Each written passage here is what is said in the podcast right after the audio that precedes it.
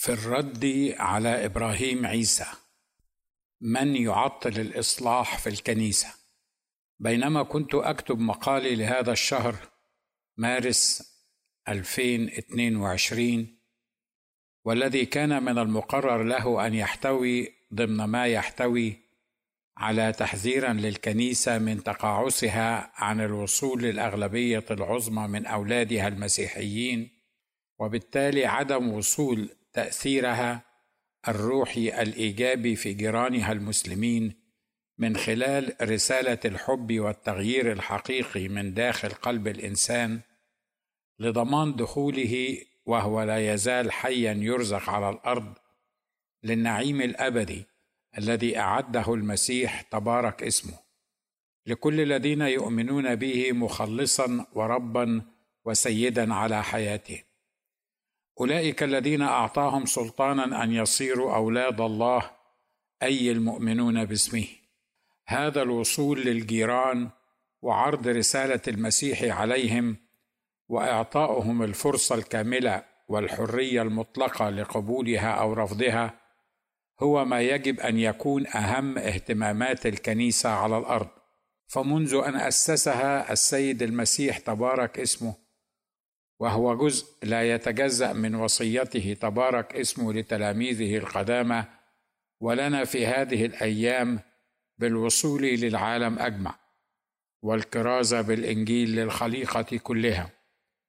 ودعوة الجميع للدخول في دين الله المسيحية بل ودعوتهم للدخول في علاقة وشركة شخصية حبية أبوية مع الله القدير تبارك اسمه. بينما كنت أكتب فيما تقدم أرسل لي أحد الأصدقاء الأعزاء الرابط الإلكتروني للحلقة الأخيرة من البرنامج الشهير مختلف عليه للكاتب الصحفي المعروف إبراهيم عيسى والتي كانت بتاريخ 21 فبراير 2022 وتحت عنوان من يعطل الإصلاح في الكنيسة. وفي البداية أريد أن أقرر أن الغرض من كتابة مقالي هذا لا هو الدفاع عن إبراهيم عيسى أو الإدانة له ولا للكنيسة وشعبها ورؤسائها ولكن إبداء الرأي وإعلان ما أراه شخصيا فيما ورد في هذه الحلقة. احقاقا للحق واظهارا للحق كما أراه من وجهة نظري وازهاقا للباطل فإن الباطل كان زهوقا. والواقع أنني ما أن سمعت وشاهدت عنوان الحلقة إلا وتواردت في ذهني عدة أسئلة واستفسارات وقناعات وظنون خاصة بهذه الحلقة. تأكدت لي جميعها بعد أن شاهدت البرنامج كله حتى الثانية الأخيرة بالرغم من ضيق وقتي الشديد حيث أنه ليس من عادتي أن أكتب في موضوع ما قبل أن أقتله بحثا محاولا فهم أبعاده التي قد تخفى علي وعلى غيري إذا لم ندرس الموضوع من كل جوانبه. والحقيقة أنني تساءلت بيني وبين نفسي وبالرغم من أن إبراهيم عيسى واحد من أهم مشاهير مقدمي البرامج التلفزيونية المصريين نظرا للقضايا الشائكة التي يتناولها بالدراسة والتحليل والتي ينتقد فيها حتى رؤساء وملوك الدول المختلفة ويقدمها للمشاهد الناطق بالعربية لمساعدته على فهم معظم الموضوعات والأمور المختلف عليها. إلا أنني تساءلت لماذا قام إبراهيم عيسى بعمل هذا البرنامج بالذات؟ فموضوع البرنامج لا يتوفر فيه عنصر واحد من العناصر التي يجب أن تتوفر في موضوع يستحق أن يقدمه صحفي أو مذيع. فعناصر البرنامج الناجح كما علمونا إياها في كلية الإعلام وكما تطبقها المحطات التلفزيونية العالمية المحترمة أذكر منها ما يلي على سبيل المثال لا الحصر لضيق مساحة النشر أربعة عناصر أساسية عند تناول موضوع ما في الميديا المرئية أو المسموعة. اولا مواصفات لابد أن تتوافر في مقدم البرنامج. ثانيا مواصفات لابد أن تتوافر في عنوان وموضوع البرنامج أو القضية المراد التحدث فيها. ثالثا مواصفات لابد أن تتوافر في من يستضيفهم. مقدم البرنامج لسؤالهم ومناقشتهم بشأن موضوعه. رابعا مواصفات لابد أن تتوافر في خاتمة البرنامج والتي هي خلاصة ما سيخرج به المستمع أو المشاهد. ولتفصيل ما أوجزت في النقاط الأربعة السابقة أقول اولا مواصفات لا بد أن تتوافر في مقدم البرنامج.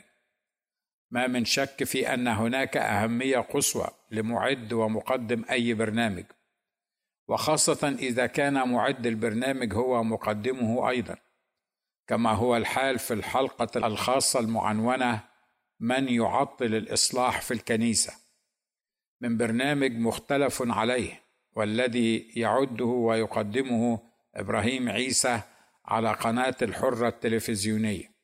هناك أهمية قصوى لمعد ومقدم البرنامج كما ذكرت سابقا سواء كان هو الذي اختار موضوع برنامجه والقضية المراد البحث فيها وضيوفه الذين يريد أن يتحاور معهم والواضع لعنوان برنامجه أو كان مجبرا على عمل هذه الحلقة لسبب أو لآخر أو مجبرا من شخص أو آخر كمدير القناة أو المتحكم فيها من السلطات الحكومية والأمنية أو الممول لها من الحكومات أو رجال الأعمال وأصحاب رؤوس الأموال. مجبرا من بعض أو كل من سبق ذكرهم على اختيار موضوعات معينة في أوقات معينة لتقديمها بأشكال معينة لمشاهديه لتشكيل أذهانهم أو تشتيت انتباههم وتركيزهم حول قضايا أخرى غير موضوع الحلقة أو تغيير مساراتهم واتجاهاتهم أو إرضاء للسلطات أو الممولين أو للحفاظ على المرتب والمكانه في القناة أو لأسباب أخرى كثيرة لا داعي ولا مجال للخوض فيها الآن. وفي كل الأحوال لا بد أن تتوافر في معد ومقدم البرنامج عدة صفات. أهمها ألف لابد أن يكون مقدم البرنامج متخصصا أو على الأقل ملما دارسا فاهما له من الخبرة العلمية والعملية الذاتية ما يكفيه للتحدث والبحث في موضوع القضية التي يطرحها على من يستضيفهم في برنامجه لسؤالهم ومحاورتهم بشأن الأمور. التي يتكلم ويتحاور فيها. فمن الناحية التقنية الفنية لا يصح أن يتناول كاتب أو صحفي أو مقدم برنامج تلفزيوني مسلم المسيحية وهو لا يعرف شيئا عنها سوى ما سمعه وشاهده من أصدقائه المسيحيين أو أقرانه المسلمين أو ما قرأه من كتب أو حتى مجلدات عن المسيحية وتعاليمها وطقوسها وطوائفها وخصوصها وكهنتها لكنه ما عاش ليوم واحد مسيحيا أو عضوا في كنيسة أو حتى مترددا عليها لسبب أو آخر. ولم يتعامل مع كاهن أو قس أو أسقف كأحد أعضاء كنيسته أو أبروشيته أو حتى كصديق حميم لأحدهم. فما سبق ذكره كله لا يكفي ولا يعطي الحق أو الأهلية لمسلم ما مهما كان مكانه ومكانته وشهرته أن يتدخل فيما لا يعنيه شخصيا أو شعبيا واعلاميا وأن يتناول قضايا ليست من شأنه في شيء. لقد ذكرتني هذه الحلقة بالحوار الذي أجراه المذيع وائل الإبراشي مع القسيسين عزيز مرجان رئيس المجمع الخمسيني يومئذ والدكتور القس إكرام لمعي المتحدث الرسمي باسم المذهب الإنجيلي المشيخي في مصر. وكان الحوار حول ما إذا كان هناك شياطين أم لا وإذا ما كان بإمكان الشياطين أن تسكن أجساد البشر وهل شعب إسرائيل هو شعب الله المختار أم لا. يمكنك قراءة المقال المتواجد على صفحة جريدة الطريق والحق الإلكترونية والذي كتبته بعنوان نعم هناك شياطين واسرائيل هم شعب الله المختار ب لابد أن يكون مقدم البرنامج منزها عن الهوى الشخصي ودوافعه واضحة ومعلنة على لسانه في برنامجه وخالصة لوجه الله تعالى. وغايته الوحيدة هي عرض قضية مجتمعية هامة لعلاجها ولخير المجتمع ككل.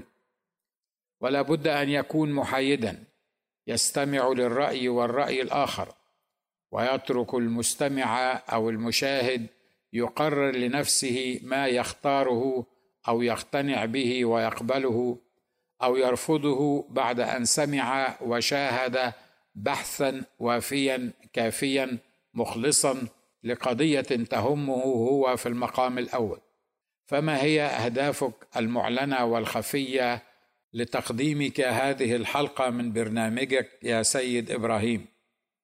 هل كان هدفك مخلصا نابعا من خوفك على الكنيسة واهتمامك حقا بإصلاحها وتقويم أعوجاجها؟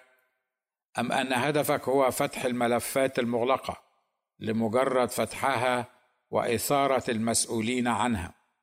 وإثارة الشعب المصري كل حسب موقعه ودوافعه. شريفة مخلصة كانت أم خبيثة مضللة. هل كان هدفك هو أن تقول للمصريين جميعا أن مشكلات الفساد والإعوجاج هي مشكلات عامة موجودة بين المسيحيين ووسط المسلمين أيضا؟ وأن كل من الكنيسة والأزهر المسيحيين والمسلمين بحاجة إلى إصلاح مؤسسي داخلي تعليمي سلطوي أم أن هناك من يريد أن يصلح كل هذا لكن يوجد أيضا من يعطل هذا الإصلاح. هل كان هدفك هو أن تنفخ في كور الخلافات بين الكنيسة وقادتها وكهنتها وبين المسيحيين في مصر؟ أم أن تساعد البعض على تصفية حساباتهم مع البابا شنودة حتى بعد رحيله من عالمنا. ليتك كنت واضحا وصريحا ومخلصا وقلت لنا بلسانك ما هو هدفك الحقيقي من عمل هذه الحلقة التي أساءت إليك ولم تنفعك إلا قليلا مع نفر قليل الحجم والشأن. وفي الوقت نفسه لن تشفع لك عند من يريدون التخلص منك حتى لو أظهرت لهم أنك تضرم النار في بيوت وكنائس أعدائهم المسيحيين. جيم. لابد لمقدم البرنامج وباحث القضية إن كان مخلصا وحرفيا أن يضع في نهاية حديثه الحلول الجذرية القابلة للتنفيذ للتغلب على المشكلة أو القضية التي يطرحها في برنامجه بغض النظر عن قبول أصحاب هذه القضية لحلوله وطرقه في التغلب على مشكلتهم أم لا. فالأمانة الصحفية تقتضي ذلك وتحتمه على الصحفي الحر المخلص الحكيم. ثانيا صفات لا بد أن تتوفر في موضوع البرنامج أو القضية المراد التحدث فيها ودراستها ووضع المقترحات والحلول والتوصيات لعلاجها بعد دراستها وفهمها. ألف. تبدأ المواصفات الواجب توافرها في موضوع القضية بعنوان البرنامج عامة ثم بعنوان الحلقة الخاصة بموضوع معين. أما عن عنوان البرنامج وهو مختلف عليه فلا يدل على حقيقة موضوع هذه الحلقة بالذات. حيث أنه من المتفق عليه وما كان يوما ضمن المختلف عليه سواء من شعب الكنيسة عامة أو قادتها على اختلاف طوائفها واختلاف رئاساتها أنه في داخل الكنيسة العامة في كل المذاهب والطوائف والكنائس كان ولا يزال وسيظل إلى مجيء المسيح ثانية ما يحتاج أن يصلح ويتغير. وما يحتاج أن ينتبه إليه القادة والمسؤولون لتصحيحه وإصلاحه وتغييره. والحقيقة التي لا مفر من الاعتراف بها أيضا هي أن الكنيسة منذ أن كانت تضم نفرا قليلا يتكون من اثنا عشر رجلا. دعاهم السيد المسيح تلاميذ ومعهم عدد قليل من النساء اللواتي كن يخدمن سيد الأرض والسماء.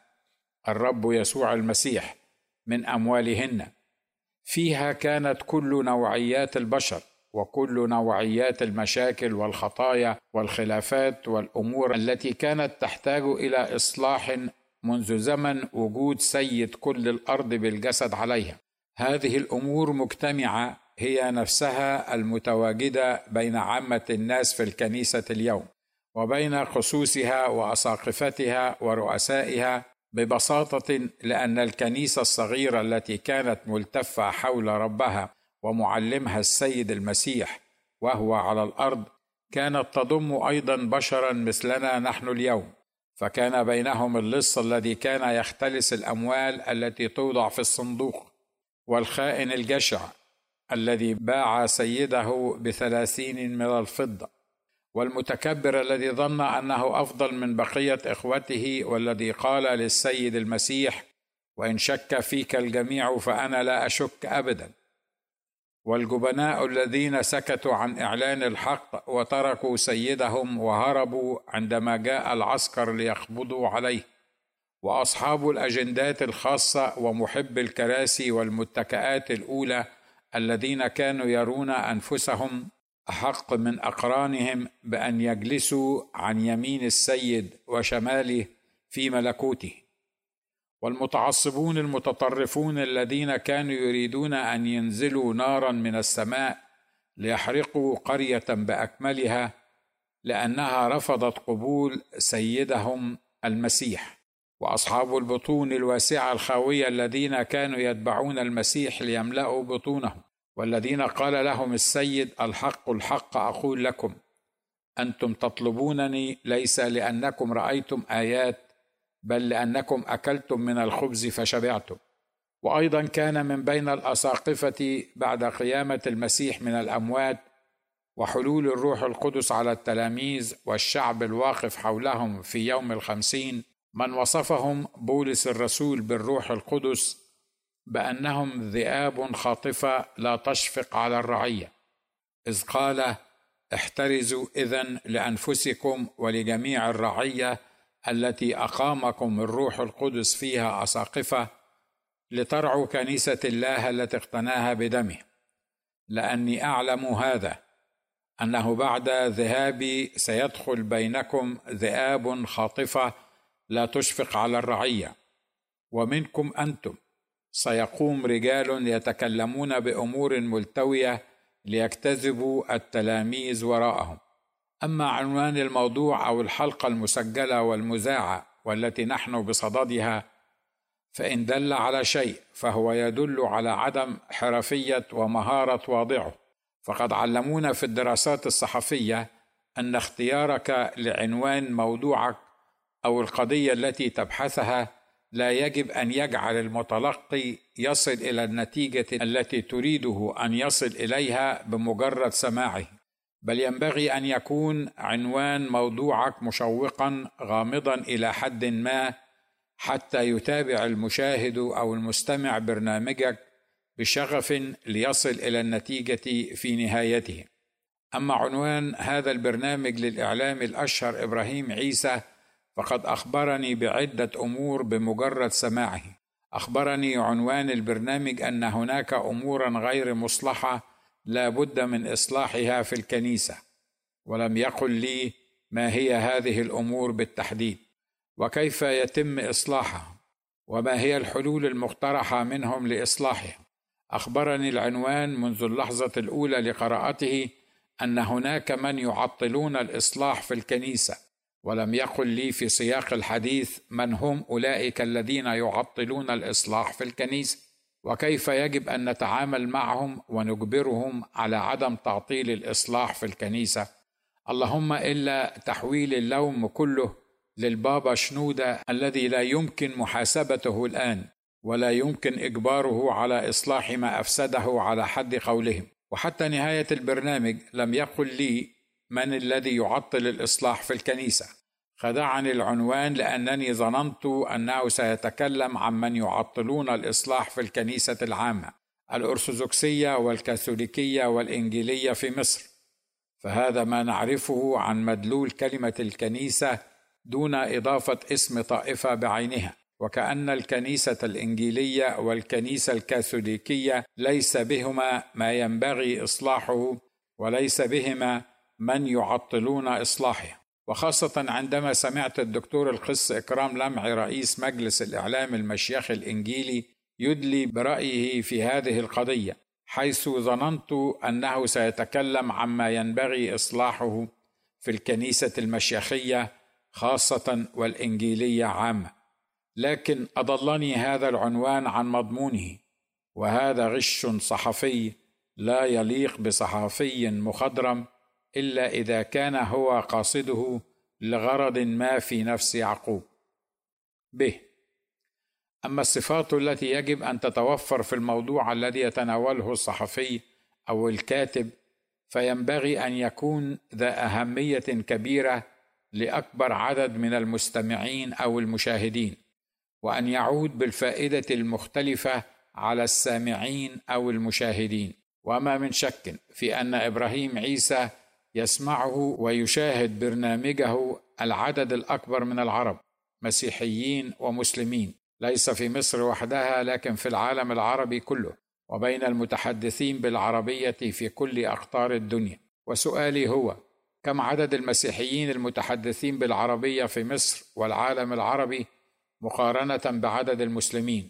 لست أعتقد أنهم أكثر من 3% من المجموع الكلي لهم في العالم كله. ثم كم عدد المسيحيين المصريين المقيمين في مصر بالنسبة لعدد المسلمين؟ يقال على أكثر تقدير أنهم 15% وخاصة بعد هجرة الغالبية العظمى منهم خارج مصر لأسباب نعرفها جميعا. ثم كم عدد المسيحيين من الثلاثة في المية على مستوى العالم الذين يسمعون أو يشاهدون ويهتمون بمتابعة البرنامج الأسبوعي مختلف عليه. ثم كم عدد أولئك الثائرين والرافضين لسياسة الكنيسة الأرثوذكسية في مصر؟ ثم كم عدد الذين سيقتنعون بكلامك يا إبراهيم ويصفقون لك كمسلم تتحدث عن وضد معطل الإصلاح في الكنيسة من أساقفتها وكهنتها؟ ألم تسمع سيادتكم من قبل المثل القائل أنا وأخويا على ابن عمي وأنا وابن عمي على الغريب.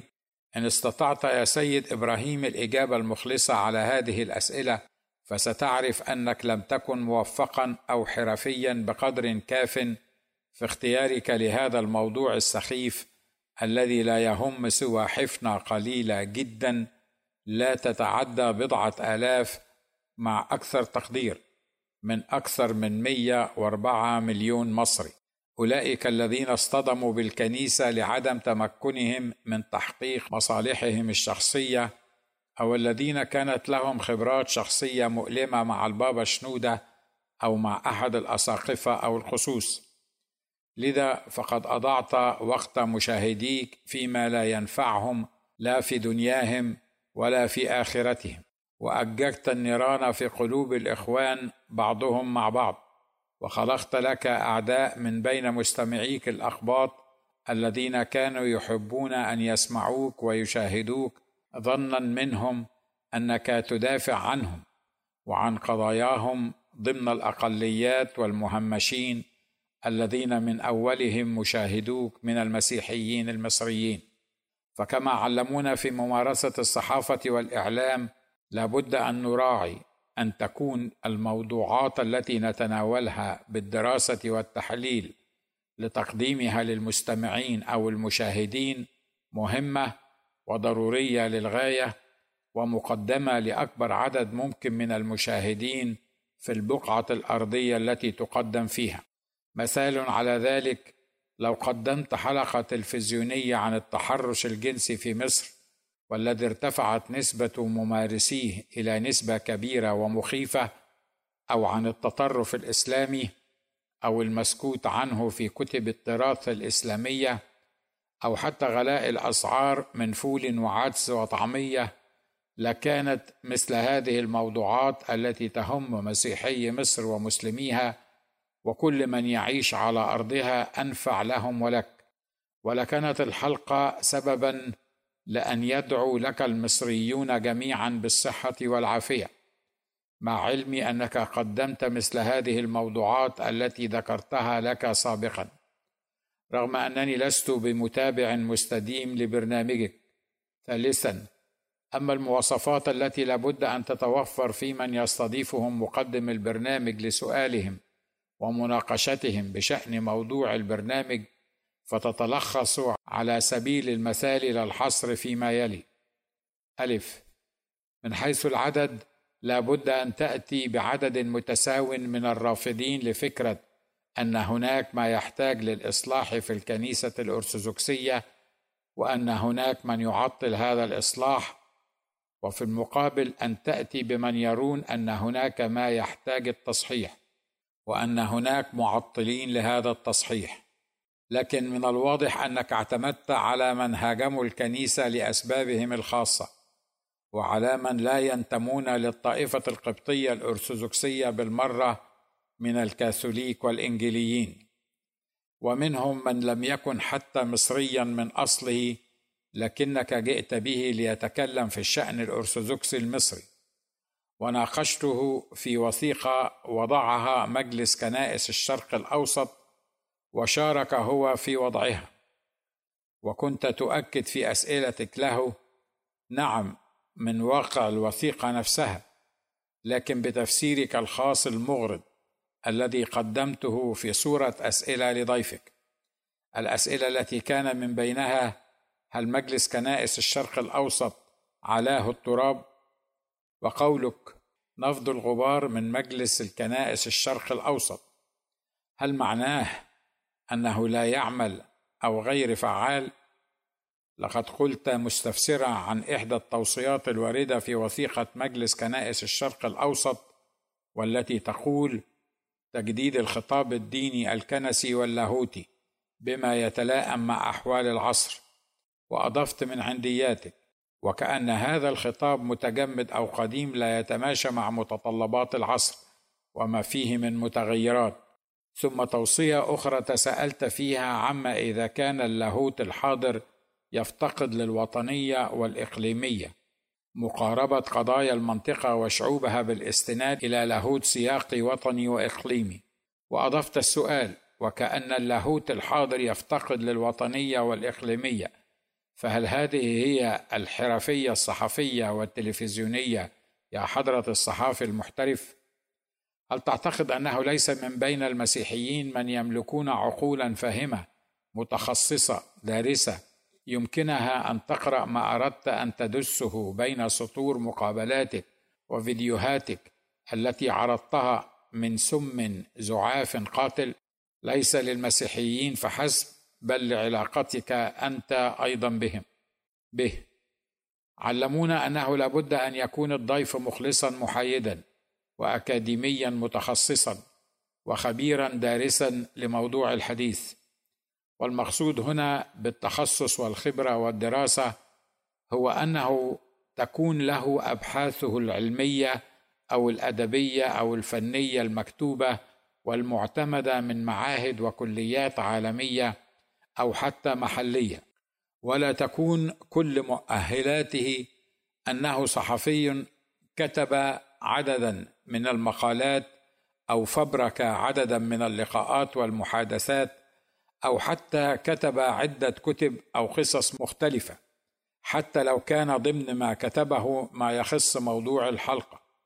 فهناك فرق بين أن تستضيف كاتبا لكتاب أو رواية أو صحافيا لتناقشه فيما كتب حتى لو لم يكن قد كتب غير كتاب واحد أو قصة واحدة طيلة حياته وان تستضيفه على أنه متخصص في الشأن القبطي والكنسي الأرثوذكسي والأسوأ من الاثنين أن تعطي أحدهم لقب مؤرخ في سياق تقديمك له بقولك دعوني أرحب بالكاتب الصحفي المؤرخ المتميز وأنت رجل الصحافة والإعلام وأعتقد والله أعلم أنك تعرف من هو الذي يمكن وصفه بالمؤرخ.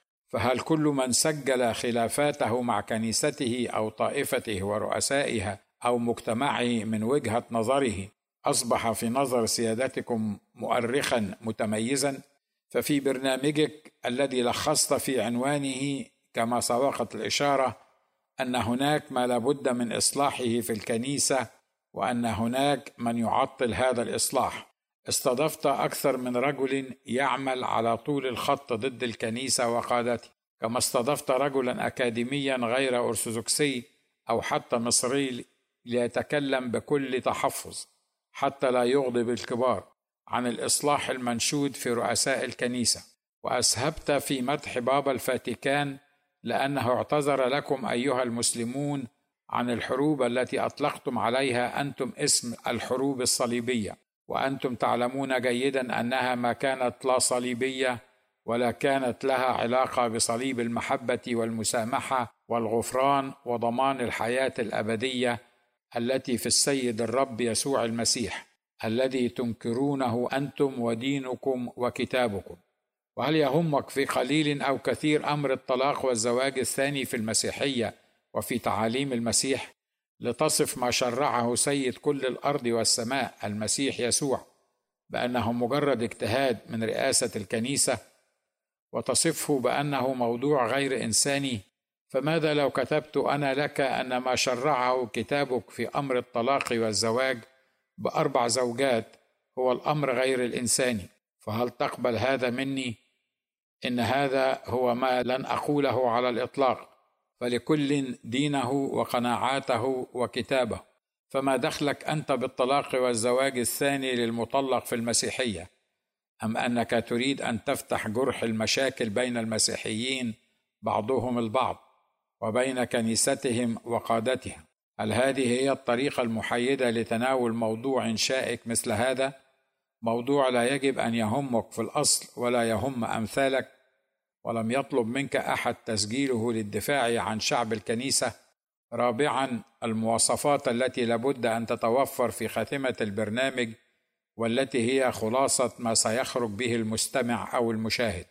علمونا أن الخلاصة لابد أن تكون بذكر حقائق معينة وطريقة التعامل معها وترك المشاهد أو المستمع يصل لقناعته الشخصية. لكنك يا مستر إبراهيم قدمت ما يدور بفكرك أنت وما أردته من بداية اختيارك لعنوان الحلقة وهو أن هناك حاجة إلى الإصلاح الديني والكنس المسيحي الأرثوذكسي تماما كما توجد حاجة إلى الإصلاح الديني الأزهري المسلم وأن فترة الأصولية الإسلامية انتجت أصولية مسيحية قادتها الكنيسة برئاسة البابا شنودة.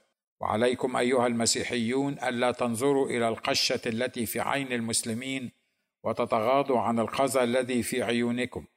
أما نصيحتي الأخيرة لك فهي لا تنطق بآية من آيات الكتاب المقدس إلا بعد أن تحفظها جيدا عن ظهر قلب أو تمسك بها مكتوبة وتقرأها من مصدرها بصورة صحيحة.